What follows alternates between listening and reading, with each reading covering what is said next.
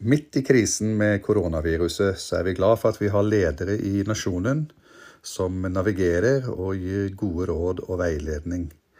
Og vi ber om visdom for dem. Samtidig så er vår trygghet ikke basert på mennesker i første rekke, men vi har vår trygghet grunnlagt i Gud. Og han er for oss en god far og en forsørger. Derfor er vi takknemlige for å høre hva han har å si til oss i sitt ord. Hans ord er full av håpefulle, gode utsagn som f.eks.: for eksempel frykt ikke, vær ikke bekymret for noe, underordne dere styresmakten og myndighetene, og rett dere etter dem og vær villige til å gjøre alt som er godt. Jeg vil gi dere framtid og håp. Vend om til meg, for jeg løser deg ut. Min godhet driver deg til omvendelse. Det lønner seg altså å vende oppmerksomheten og øret til Gud og Hans ord. Guds ord eh, gir nemlig styrke, det oppmuntrer, veileder, og det gir tro, håp og kjærlighet inn i enhver situasjon, også den krisen som vi befinner oss i nå, både her i vår egen nasjon, men også i hele verdenssamfunnet. Men vi lever altså ikke av brød alene, men av hvert ord som kommer fra Guds munn. Guds ord sier 'den som har ører, hør hva Ånden sier til menighetene'. Og i eh, Jeremia eh, så sier profeten, land, land, land, hør Herrens ord. Kirke er ikke bygninger, men kirke er mennesker, og noe av det viktigste Kirken har, er Guds ord og Guds tiltale, Guds oppmuntring, Guds veiledning. Så derfor, så i disse tider hvor vi ikke møtes eh, som kirke, så vil vi bruke sosiale medier, vi vil bruke tekniske løsninger for å formidle Guds ord. Eh, neste søndag eh, så satser vi på å eh, kunne komme med en teknisk løsning som streamer en gudstjeneste som ikke har mennesker til stede i forsamlingen, men som streamer en gudstjeneste gjennom våre kanaler, enten det er Internett eller det er på våre sosiale medier. Det jobber vi med for å få til den 22. mars. Mens eh, nå, førstkommende søndag, altså i morgen den 15., så legger vi ut en podkast som vi håper kan være til oppmuntring og hjelp. Gud velsigne deg.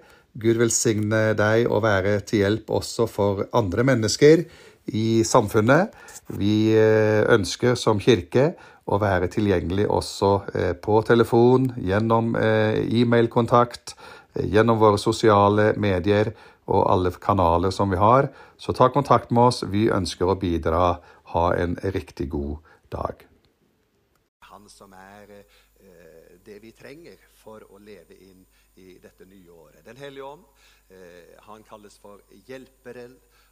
Han kalles for nådens og bønnens ånd. Han kalles for trøsteren. Eh, den hellige ånd kalles for Guds kraft. Eh, den hellige ånd eh, er den som gir kvalitet i livet, åndens frukt, som jo er kjærlighet, glede, fred. Hvem lengter ikke etter mer av det? Kjærlighet, glede, fred, godhet, tålsomhet, trofasthet, selvbeherskelse, ydmykhet, godhet. Hvem er det som ikke lengter etter mer av det? Det er ånden som produserer det. Det er åndens frukt. Eh, det er Guds ånd, det er ikke en hvilken som helst liten pingle. Det er selveste Gud. Han er fra evighet til evighet. Eh, åndsdåpen er en fantastisk erfaring som alle Guds barn kan få lov til å oppleve. Å bli full av Den hellige ånd og oppleve at det er det som gjør at du kan møte fjelløven og bli seirende i alle livets situasjoner. Pga. Den hellige ånd, som også kalles talsmannen, han som tar saken nådegaver som eh, vi ikke har uten Den hellige ånd, men som Den hellige ånd gir oss til bruk i gudstjenestelivet og i menighetslivet ute i den verden som Gud har kalt oss til å være i. Så eh, vi trenger Den hellige ånd. Vi er avhengig av Den hellige ånd. Den lille bjørnen var hjelpeløs uten Den hellige ånd. Fjelløven hadde all, alle muligheter innenfor den lille bjørnen. Men når storebjørn dukka opp, da var det tydelig hvem som var i flertall hvem som hadde autoriteten. Den hellige ånd er den som eh, i Bibelen kalles for kunnskapens ånd og visdommens ånd. Så vi skjønner jo vi trenger Den hellige ånd. Jeg tror vi trenger Den hellige ånd mer i 2016 enn noen gang før. Det er ikke sånn at Den hellige ånd er utdatert. Den hellige ånd går ikke ut på dato. Nei, Den hellige ånd er aktuell. Vi trenger å leve med Den hellige ånd. Og, og det er alle muligheter å leve med Den hellige ånd. For det er det Jesus sier når han skal forlate disiplene. Slapp av, folkens. Dere ser jo helt livredde ut her nå fordi at jeg har sagt at jeg skal hjem til far. Jeg ser at dere er frustrert og lurer på hva skjer nå. og dere lurer på hvor går jeg hen, og, og dere har mange spørsmål. Men slapp helt av. Jeg etterlater dere ikke fareløse. Se, jeg kommer til dere. Jeg kommer til dere. Jeg lar dere ikke holde på alene i deres egen suppe. Nei da, jeg kommer til dere. Jeg gir dere retning. Jeg gir dere framtid. Jeg gir dere håp. Jeg kommer til dere dere, jeg skal gi dere Den hellige ånd. Det er til og med sånn, sier Jesus, det er til gagn for dere at jeg går bort. For hvis ikke jeg går bort, kommer ikke talsmannen. Så det er eh, til en fordel for deg og meg at Jesus ikke er her. Er det ikke her, sier du? Nei. Ja, men Er ikke Jesus midt i bladet? Jo, jo, men nei. Jesus sitter på tronen i himmelen og taler vår sak innenfor Faderen. Men Den hellige ånd er her og representerer Jesus Kristus. For Herren er ånden, og der Herrens ånd er, der er det frihet. Så eh, vi må ha rom for Den hellige ånd. Vi kan ikke ha pinse bare i navnet. Vi må ha rom for personen Den hellige ånd. Eh, det er ikke så viktig om vi kalles pinsevenn eller hvilke venner vi kalles, men det er jo avgjørende viktig at vi har en god og varm og trygg og åpen relasjon til personen Den hellige ånd. Og at Den hellige ånd er en del av vår hverdag, at Den hellige ånd er en del av vår tenkning, at Den hellige ånd er en del av vårt følelsesliv, at Den hellige ånd er en del av vår vilje, at Den hellige ånd er en del av hele vår personlighet. For Den hellige ånd og vi, det er dynamitt. Så Den hellige ånd og vi sammen, vi eh, eh går inn i 2016. Eh, Den hellige ånd og vi har besluttet ikke å legge noen annen byrde på dere enn disse helt nødvendige tingene. La meg bare si det at disse byrdene eh, det, det, er egentlig byrder som etter hvert også forsvant. Eh, jo mer de fikk innsyn i evangeliets lys. Så skriver jo Paulus senere at eh, noen har frihet til å spise kjøtt som har vært ofra til avgudene. Det skriver han senere. Så da har det skjedd en utvikling. Men dette var for jødenes skyld at de fikk disse fire tinga. Det var fire eh, ting som de skulle ta hensyn til. Og det, først og fremst så var det tre ting som handla om jødene, og så var det én ting som var allment generelt viktig, eh, som var fire ting som apostlene ga et råd. Eh, vi ønsker ikke å legge, dere, legge noen vanskeligheter på dere. Den hellige ånd og vi vi har kommet fram til dette her. Eh, hallo, kjære menighet. Den hellige ånd og vi har løst saken. Vi har ordna opp, vi har rydda opp, vi har funnet en vei. Og så ble det fred og ro og framgang i menigheten. Den hellige ånd Eh, er eh, garantien for kraft i en tid som trenger mer kraft enn noen gang. Utfordringene, Jo større utfordringene er, jo mer kraft trenger vi. Og det er vel ikke vanskelig å forstå at vi lever i en tid med store utfordringer på mange områder, og de kommer til å øke. Og da trenger vi desto mer kraft, fordi utfordringene er energiforbrukende. Og da trenger vi desto mer kraft. Og Den hellige ånd er garantien for kraft både i liv og i tjeneste. Den hellige ånd gir oss den energien vi trenger for å møte vår tid. Og Den hellige ånd gir oss den energien vi trenger for å gjøre jobben. For vi har en jobb å gjøre. Og Jesus sier dere skal få kraft når Den hellige ånd kommer over dere. Og dere skal være mine vitner i Jerusalem og hele Judea, i Samaria og helt til jordens ende. Se her at det fra første stund, før menigheten i det hele tatt har kommet opp og gå, så gir Jesus en klar pekepinn på at hele dette her handler om internasjonalt arbeid. Ser dere det? Jeg skal komme inn på det. Jeg gleder meg til slutten av prekena i dag. Ja, Hvordan kan du si det, sier du? Jo, for jeg vet hvordan jeg skal slutte. Men her ser du, det handler om Jerusalem, det handler om Judea, det handler om Samaria, det handler helt til jordens ende. Så du ser, det er internasjonalt. Internasjonalt er et nøkkelord når vi snakker om vi. Den hellige ånd og vi. Og Det skal vi se litt på slutten av. Eh, bedrøvelig nok så er det mulig å bedrøve Den hellige ånd. Eh, det er ikke klokt å gjøre det. Er det noen av dere som har vært bedrøva noen gang? Jeg har vært det. La meg bare bekjenne. Når jeg er bedrøvet, er jeg ikke veldig aktiv. Jeg går inn i meg sjøl. Det er det som er trist med Den hellige ånd. At han er jo til stede, men når han er bedrøvet, så blir han mindre aktiv. Han er en person. Han kan bedrøves. Det er en personlighetsegenskap. Den hellige ånd er ikke en kraft. En kraft kan ikke bedrøves. Har du prøvd å bedrøve trønderenergi? Det er vel heller sånn at den bedrøver deg. Men Den hellige ånd Vi kan bedrøve Den hellige ånd. Det er det Paulus skriver. Gjør ikke Guds hellige ånd sorg, sier han. Han advarer oss mot å gjøre Den hellige ånds sorg. Han advarer, På tysk så står det 'Den Geist Gottes dempft nicht'. Altså, ikke demp Den hellige ånd. Do not grieve the Holy Spirit. Ikke bedrøv. Ikke trykk han ned. Ikke undertrykk han. Ikke prøv å fortrenge han. Jeg skal si litt senere i år om hvordan vi kan bedrøve Den hellige ånd. Eh, for jeg tror faktisk at det er noen konkrete ting som du og jeg kan gjøre, som er med å bedrøve Den hellige ånd. Men la oss bare slå fast at det faktisk er mulig å bedrøve ham. Det er en kjensgjerning. Den muligheten består av Guds barn, av deg og meg, som er full av Den hellige ånd, som er åndsdøpt, om du er det, eh, som, eh, som, er en kristen, og som er et Guds barn, vi kan bedrøve Den hellige ånd. Vet du hva? Jeg kan bedrøve Ingrid, men jeg blir ikke mindre gift med henne av den grunn. Hun er der fortsatt. Takk og lov. Jeg kan bedrøve Den hellige ånd. Han forsvinner ikke av den grunn. Han er der fortsatt. Men det gjør at han blir mindre virksom. For mennesker, personligheter som er bedrøva, blir ikke så aktiv. Aktiviteten reduseres når vi er bedrøva. Og Paulus sier at vi kan gjøre Den hellige ånds sorg. Det er derfor han sier, 'Ikke gjør det'. Gjør ikke Guds hellige ånds sorg, for ånden er det seil dere er merket med helt til frihetens dag. Tenk at du og jeg som vanlige Vi er jo ikke helt vanlige, da. Amen. Men eh, som eh, mennesker som eh, fins her på jorda Tenk at vi er i stand til å påvirke Den hellige ånd. Det er en utrolig tanke. Han som er Gud over alle guder, Gud fra evighet til evighet. Han som er en framfarende veldig vind. Vi sang så bra her. A rushing wind. Han som er stor og mektig, men som også er en var og kjenslevar person.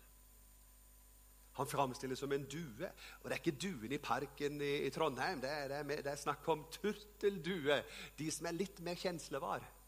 For de duene i parken i Trondheim de blir du ikke kvitt.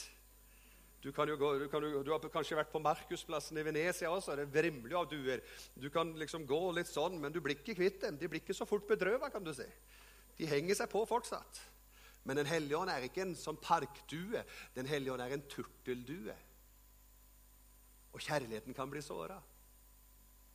Så la oss ikke eh, bedrøve Den hellige ånd. Tenk at vi har den kraften i oss til å påvirke Den hellige ånd. Og la meg si vi kan påvirke han på godt og på vondt. Vi er i stand til å påvirke Den hellige ånd. Ikke gjør ham sorg. Så kulturen hvor Den hellige ånd trives. For når det står 'gjør ikke Den hellige ånd sorg', så er det satt inn i en kontekst. Det står nemlig 'la ikke et eneste råttent ord komme over leppene'. Si bare det som er godt. Amen. Var ikke det bra? Det er noen som sier til meg 'Du er så positiv, du, Frank'. Ja, Skal jeg gå rundt og være negativ, da? Det er ikke sånn at det positive er eh, ikke-realistisk. Nei, det står 'si bare det som er godt', og som bygger opp der det trengs, så det kan bli til velsignelse for den som hører på. Tenk hvilket potensial vi har her, kjære menighet, til å vokse. Ikke sant? Og inn i den konteksten er det det står 'gjør ikke Den hellige ånds sorg'. Og så står det videre 'slutt med all hardhet'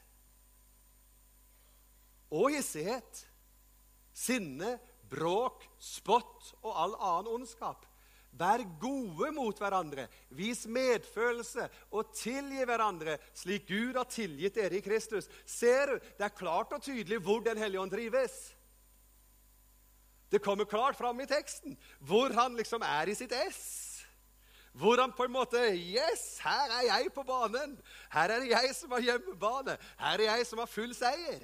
Ja, Men har ikke han full seier uansett, da? Jo da, men han kan bli bedrøva. Vi kan gjøre ham sorg. Vi er i stand til det. Og da er det altså at Paulus sier dette her er noe vi må kvitte oss med. Og det som var eh, først her eh, Det her er noe vi ikke skal holde på med, for det er kontraproduktivt. Det demper Den hellige ånd. Mens eh, dette her Vær god mot hverandre, vis medfølelse og tilgi hverandre slik. Det er Den hellige ånds kultur, der han trives. Og jeg ønsker at Den hellige ånd skal være den som trives best i Betel. Det er ingen som skal trives bedre i Betel enn Den hellige ånd. Han må stortrives i Betel. Han må trives i livet mitt. Han må trives i livet ditt. Han må trives i hverdagen. Han må trives i gudstjenesten. Han må trives i fellesskapet. Den hellige ånd skal trives. Derfor vil vi ikke gjøre han sorg. Hørte jeg et lite ammen på det? Det var stort ammen. det. Men hvis vi kan påvirke Den hellige ånd, så kan vi også ikke bare påvirke ham på vondt. Vi kan påvirke ham på godt. Vi kan påvirke ham positivt. Vi kan oppildne og begeistre Den hellige ånd. Er ikke det bra? Tenk at du og jeg vi kan være med og bestemme om møtet blir åpent eller stengt. Så noen sitter i møtet og sier 'Wow, det var et herlig møte', og andre sitter i samme møte og sier 'Det var et begredelig møte'. Og da er jo spørsmålet hva er forskjellen? Det må jo være de to personene som eh, er forskjellige. For Den hellige ånd er jo den samme. Men vi kan åpne for Den hellige ånd. Vi kan ta en beslutning. Vi ønsker å oppildne, vi ønsker å begeistre, vi ønsker å tenne Den hellige ånd. For det er det Paulus sier til Timoteus. Derfor vil jeg minne deg om dette. Tenn på ny den nådegave fra Gud som er i deg. Det er Den hellige ånd, folkens. Det er nådegaven fra Gud som er i oss. Det er ikke tjenestegaven. Det er ikke evangelisten. Det er ikke læreren. Paulus snakker annerledes til Timoteus når han snakker om det. Han snakker om at eh, legg vind på evangelistens gjerning og legg vind på opplesningen av ord og gjør en lærers gjerning. Sånn snakker han da. Men her snakker han ikke om det. Her snakker han om den nådegaven som er i deg. Og så sier han 'den du fikk ved min håndspåleggelse'. Og da skjønner vi at I Samaria så var det jo noen som hadde fått uh, tatt imot Jesus Kristus, men de hadde ikke fått Den hellige ånds opplevelse. Så da kom jo apostlene fra Jerusalem opp til Samaria, og så legger de hendene på de nyfrelste. Og så får de Den hellige ånd pga. håndspåleggelse. Og så står det jo videre, Vi må lese det i kontekst. For når det står 'Tenn på ny den nådegave fra Gud som er i deg', så står det i konteksten av en ånd som gir kraft, kjærlighet og sindighet. Så Det er det som er nådegaven. Tenk, Vi kan tenne Den hellige ånd, vi kan begeistre Den hellige ånd, vi kan oppildne Den hellige ånd. Ja, Hvordan gjør vi det, da? Ja, Det skal jeg preke om seinere. Vi har gitt en liten pekepinn på hvilken kultur, hvor han trives. Den hellige ånd er en person. For det står vår Herre Jesu Kristi nåde, Guds kjærlighet og Den hellige ånds samfunn være med dere alle. Det er snakk om fellesskap. Du kan ikke ha fellesskap med en kraft. Jeg pleier å si Du kan få to strikkepinner og sette inn i stikkontakten, så har du fellesskap med kraft. Det er ikke særlig produktivt, kan du si. Jeg er under kraften. Og Her har pinsevenner også misforstått en del opp gjennom åra. Vi har jo trodd at jo mer folk rister, jo mer er de under kraften. Og Mora mi hun var på vei opp til Narvik, for de skulle bli pastorsfolk oppe i Narvik. Og Så var de gjennom Sverige og reiste opp gjennom Sverige opp til Narvik. Og Så var det på et møte i Sverige, og så kom mora mi borti den der svarte eh, vedovnen og brant seg. Og rykka til. Og hele menigheten ble i fyr og flamme, for de trodde Alma var under kraften. Men hun hadde bare brent seg på ovnen. Så lettantennelig var pinsevennene i den tida. Men eh, vi, vi har ikke fellesskap med energi. Vi har fellesskap med personer. Men personer har energi. Og det er ingen som har så mye energi som Gud. Men han er ikke en kraft. Han har kraft. Og I den betydning så, så, er han jo full av energi. Men han er en person. Vi kan ha relasjon med han, vi kan ha fellesskap med han. Han er vår venn. Og eh, Paulus sier at vi skal ha samfunn, fellesskap, koinonia med Den hellige ånd. Vi skal pleie relasjonen med Den hellige ånd. Ja, Hvordan pleier du relasjonen med kona di eller mannen din hvis du er gift? Hvordan gjør du det? Hvis du, hvis du gjør det, så kan du overføre veldig mye av det på din relasjon med Den hellige ånd. Blant annet én veldig enkel ting. Det er fordel å snakke sammen. De fleste ekteskap de, de sliter pga. dårlig kommunikasjon. Og relasjonen lider under det. Og eh, når det står at vi skal ha samfunn med Den hellige ånd, så må vi jo snakke med han, folkens. Vi må jo omgås han, snakke til han, ære han og prise han. Kan vi tilbe Den hellige ånd? For det har vært et omdiskutert tema. Kan vi tilbe Den hellige ånd? Da har jeg et spørsmål. Er Den hellige ånd Gud? Ja, men vi tilber jo Gud. Så løste vi den. Vel, det er litt mer å si om det. Men uh, det er ikke noe farlig å være opptatt av Den hellige ånd. Hør her. Det er umulig å bli så opptatt med Den hellige ånd at du glemmer Jesus. Det er helt umulig. Hvis du er opptatt med Den hellige ånd på en måte som gjør at du glemmer Jesus, så er du ikke opptatt med Den hellige ånd. Da er du noe annet du er opptatt med. Da er du kanskje opptatt med manifestasjonene av Den hellige ånd. Men hvis du er opptatt med Den hellige ånd, så er det umulig å glemme Jesus. For Den hellige ånd har jo én stor lidenskap i livet, og det er å herliggjøre Jesus. Så du vil aldri bli så opptatt med Den hellige ånd at Jesus kommer i bakleksa. liksom. Nei, du blir enda mer begeistra for Jesus når Den hellige ånd gis rom. Så eh, la oss eh, snakke til Den hellige ånd. Ha fellesskap med Den hellige ånd. Den hellige ånd er relasjonell og ønsker fellesskap med oss. La oss si litt på eh, hvem vi er. Hvem er vi? Ja, vi er hverandres lemmer. Vi snakker jo altså om Den hellige ånd og vi. Vi er hverandres lemmer. Det bør jo ha litt grann, eh, konsekvens, ikke sant? Bibelen sier det. Eh, vi er søsken i Guds familie. Det er vi. Ja, hvem er vi? Vi er medarbeidere av Gud. Wow, hvilket privilegium. Seniorpartner og juniorpartner. Guds medarbeidere. Vi er Guds hus. Altså, han bor i menigheten. Og Betel betyr jo Guds hus. Vi er Kristi brud, så det tyder på et intenst kjærlighetsforhold. Det tyder også på renhet og hellighet. Jeg har til dags dato til gode å se en brud komme fram med full av søleflekker på brudekjolen. Jeg har til gode å se noe sånt. Eh, på bryllupsdagen så eh, har både brudgommen og bruden eh, vaska seg og dusja seg og ordna seg. Det er liksom det beste av det beste. det er på bryllupsdagen. Så jeg ser at på Facebook så er det veldig mange som legger ut uh, 'gift i 30 år', og så legger de ut bilde. 'Gift i 40 år', og så legger de ut bilde. Og jeg ser at de legger ut bilde av den dagen de gifta seg. For de syns da så vi bra ut. ja, Og da får de mange likes, vet du. Ja, ja, men. Ja, ja. Ikke sant, Raymond? Når du tar med Kiren på bildet, da blir det mer likes. Sånn er det, vet du. Når vi løfter fram kjærligheten og løfter fram relasjonen og løfter fram den vi elsker og er glad i, ikke sant? Ja, det, det faller i god jord. Så eh, kan, kan hende du ikke er gift, kan hende du har hatt problemer i ekteskapet. Men hør, du er Kristi brud. Alle er vi brud. Alle tilhører vi brudeflokken. Tenk hvilken, hvilken privilegium. Kristus er vår brudgom. Vi er i en kjærlighetsrelasjon med han. Vi er Jesu vitner. Vi er vitner om det vi har sett og hørt. Så vi eh, står opp i, eh, i rettssaken og vitner til fordel for Jesus. For Jesus eh, blir satt på prøve i samfunnet vårt i dag, og vi står opp og vi er vitner for han. Så vi vitner om hvem han er, hva han har gjort, hvem han er for oss. Vi er Kristi kropp. Vil si det er gjennom oss at Jesus skal gjøre gjerninger i 2016. Vi er kroppen hans. Vi er en helligånds står det. Så Den hellige ånd bor i tempelet. Vi er ambassadører for Kristus. Så er vi da utsendinger for Kristus. Og det er Gud selv som formaner gjennom oss. Vi ber dere på Kristi vegne, la dere forsone med Gud. Det er vi. Utsendinger. Ambassadører. Vi representerer en høyere autoritet og har et mandat til å formidle budskap. Vi må ikke bare snakke om Gud, vi må snakke fra Gud.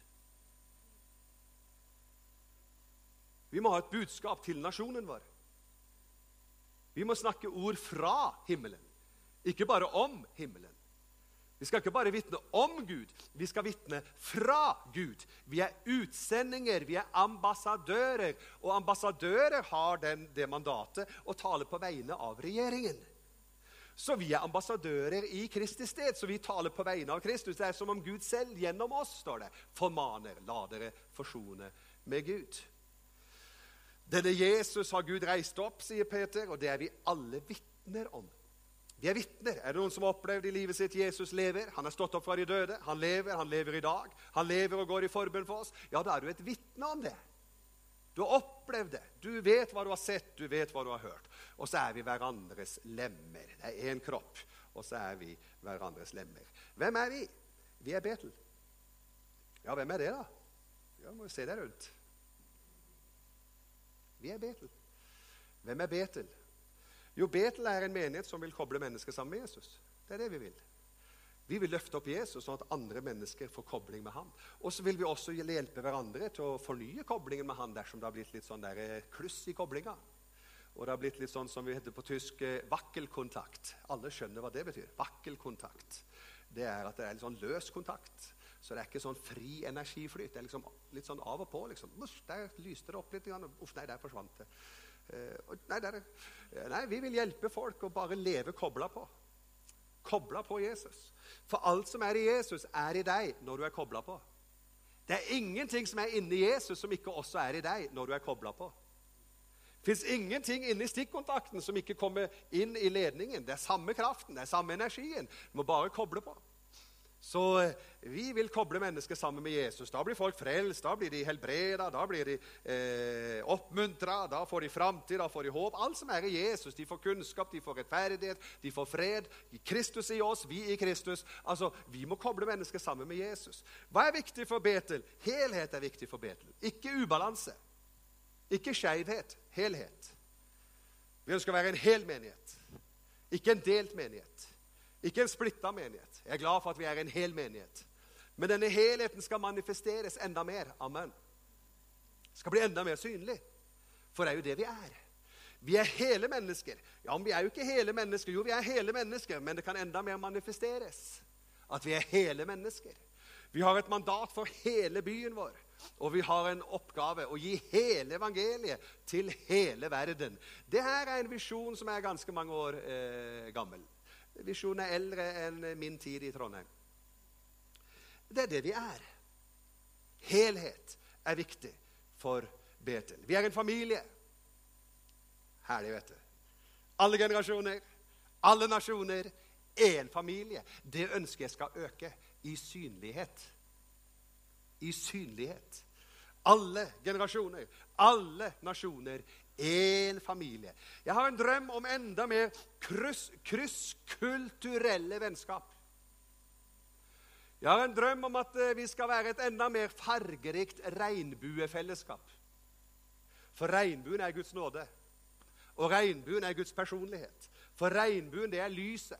Og lyset gjennom prismen gir regnbuens farger, og det er nåden. Så Gud er nåde, og Gud er fargerik, og Gud er for et fargerikt fellesskap. Hørte jeg et ammen på det? Det er det Gud vil. Det er jo derfor du er med her, for at du er med å tilføre litt farge. Og så får du litt farge av andre, for farge smitter av. Så får vi litt være Du vet, Jeg er mye mer lik Ingrid nå enn for 30 år siden. Jeg er mye mer lik henne nå, kan du si. Det farger av. Det smitter av. Og det er jo til deres fordel. Så eh, alle generasjoner, alle nasjoner, én familie. Hva er vi? Hvilke verdier har vi? Hva er det som preger oss? Hva er kulturen? Hva er agendaen? Jo, likeverd. Vi ser ikke ned på hverandre. Vi trykker ikke hverandre ned. Vi løfter hverandre fram og opp. Vi ser hverandre inn i øynene. Eh, på tysk er det noe som heter auf Augenhöhe, altså på samme øyehøyde, øyenivå. Vi ser hverandre inn i øynene. Vi ser ikke ned, vi ser ikke opp. Vi ser mot hverandre, rett på øyenivå. Eh, på norsk så sier vi 'vi står på like fot'. Vi er på like fot. Vi er på samme nivå. Så eh, det er likeverd. Sjenerøsitet. Ja, det er en raushet, det er en romslighet. Det er ikke så trangt der hvor det er sjenerøst. Det er til og med rom for en som gjør feil, sånn som meg, f.eks. Det er jo fantastisk. ikke sant? Det er litt raust, vet du. Det er ikke sånn 'Å, jeg så hva han gjorde', da. Oi, oi, oi. Så, du, hun der, da. Oi. Har du hørt hva han Nei, jeg har hørt det, men har du hørt det? Nei, det blir sjenerøst, det blir raust, det blir varmt. Det blir et inkluderende fellesskap. Hvor vi er forskjellige. Takk Gud for det. Norske skal ikke bli kongolesere, og kongolesere skal ikke bli norske. Men kongolesere og norske skal inkludere hverandre gjensidig i fellesskapet. Og så setter vi litt farge på hverandre. Så jeg får smitte av litt fra pastor Jean. Og han, jeg smitter litt av på han.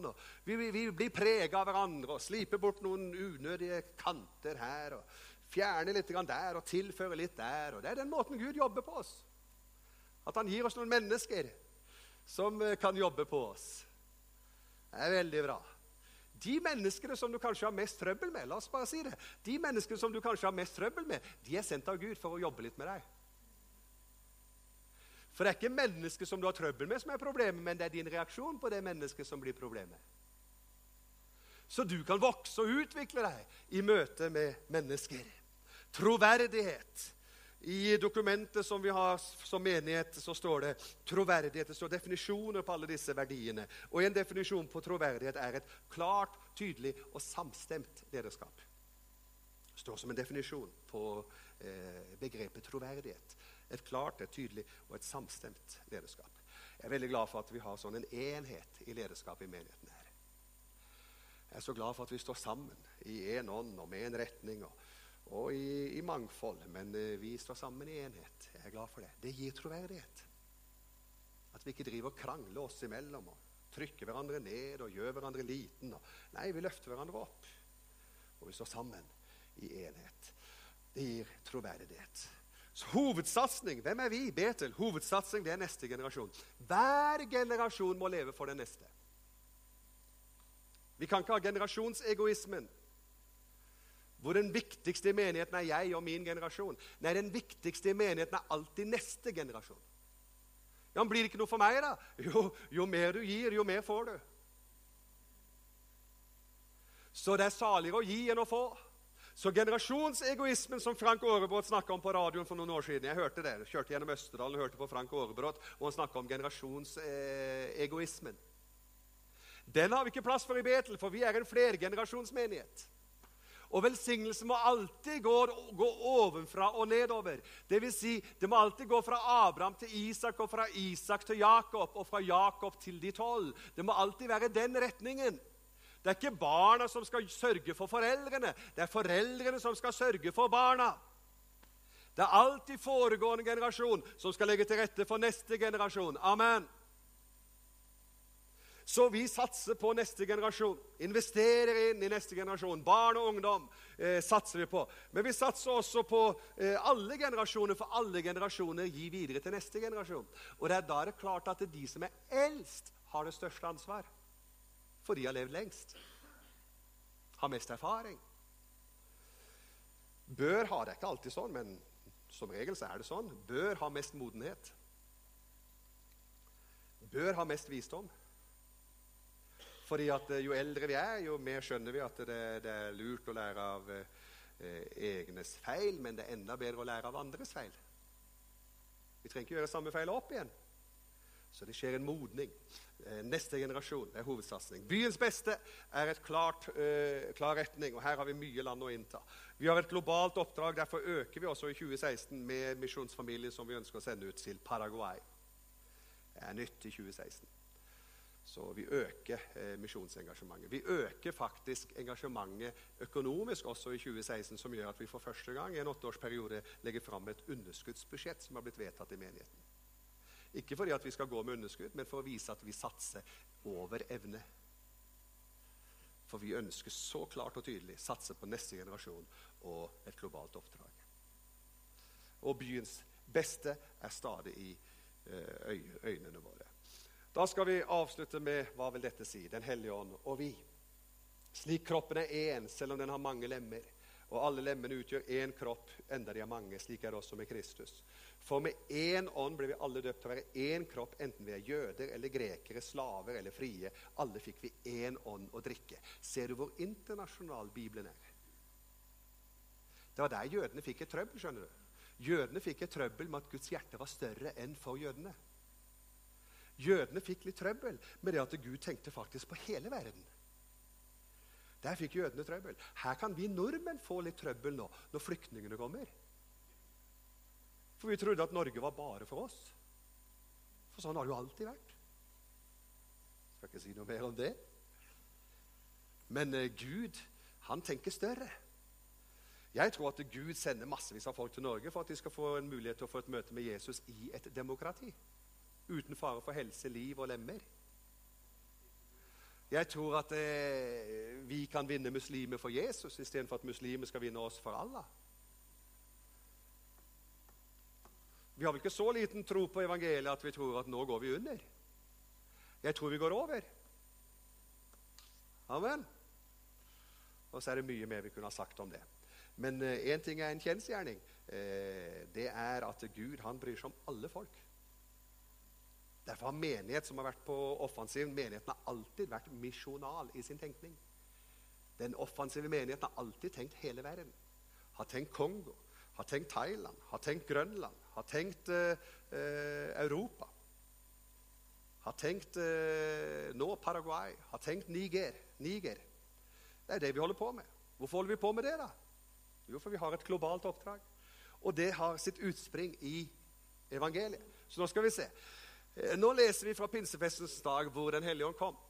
I Jerusalem så bodde det fromme jøder fra alle folkeslag under himmelen. Ser du det? Hvem også bodde i Jerusalem? Fra alle folkeslag. Amen. Det minner litt om Trondheim, det, folkens. Vi har 180 nasjonaliteter i Trondheim kommune. 180 nasjonaliteter i Trondheim kommune. Da er det jo bare på sin plass at denne menigheten har noen av de nasjonalitetene med i denne menigheten. For vi har jo et kall til hele Trondheim. Og her bor det folk fra hele verden. Så eh, I Jerusalem så bodde det fromme jøder fra alle folkeslag under himmelen. En stor folkemengde stimlet sammen da de hørte denne lyden. Og det ble stor forvirring, for hver enkelt hørte sitt eget morsmål bli talt. Forskrekket og forundret spurte de er de ikke galileere, alle disse som taler. Hvordan kan da hver enkelt av oss høre sitt eget morsmål? Og hør, Se så mange nasjonaliteter og grupperinger og etniske grupper. Vi er partere, medere, elamitter, folk fra Mesopotamia, Judea Det var en dame vet du, som sa det er, et godt, det er et ord som er så levende for meg, dette ordet Mesopotamien. Jeg syns det var så vakkert ord. Mesopotamien. Så når hun ba, så ba Mesopotamien. Litt av et ord. vet du. Fantastisk vakkert ord. Judea, Kappadokia, Pontus, Asia, Frygia, Pamfylia, Egypt, Libya-området, Kyrene, innflyttere fra Roma. Ingrid, det var der vi var. Jøder og proselytter, altså dvs. Si hedninger som har vendt seg om til jødedommen, fra alle nasjonaliteter. Kretere og arabere. De var der. Er de som eh, stort sett ofte går under begrepet muslimer i dag. Arabere. De var der. De var der da menigheten ble født. Araberne var der, folkens. Araberne var der. Det var faktisk ingen trøndere, men araberne var der. De var der, vet du.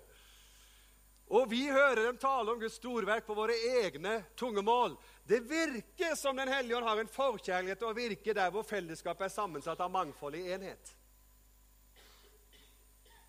Det ser sånn ut.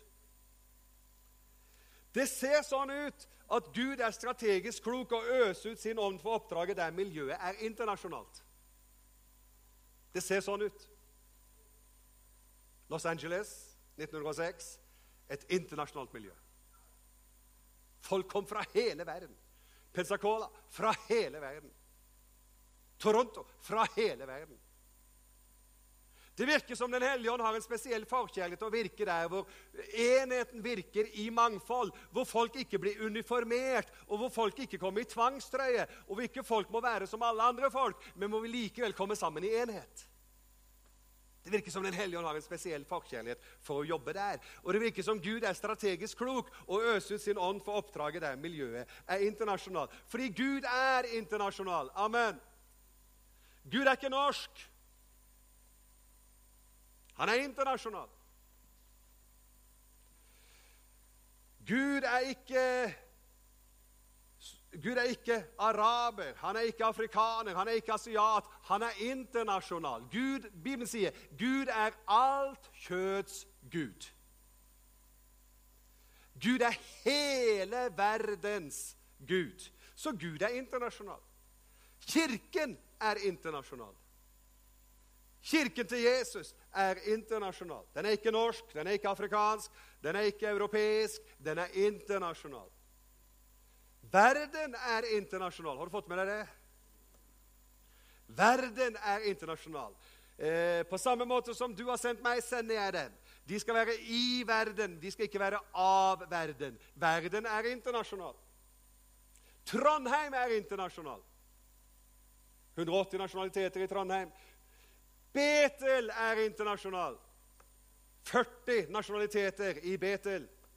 Alt folket sa vi har et kjempepotensial som menighet å virke relevant inn i det samfunnet som vi er i.